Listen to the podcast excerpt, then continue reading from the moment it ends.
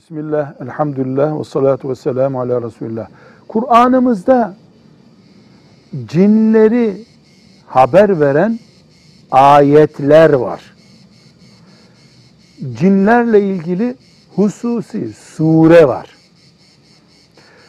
E, insan Kur'an'ı okuduğunda Allahu Teala'nın cinlerden bahsettiğini görüyor. Eğer bir Müslüman Müslüman olduğunu söylediği halde cin yoktur derse e Kur'an'dan bir sure yoktur.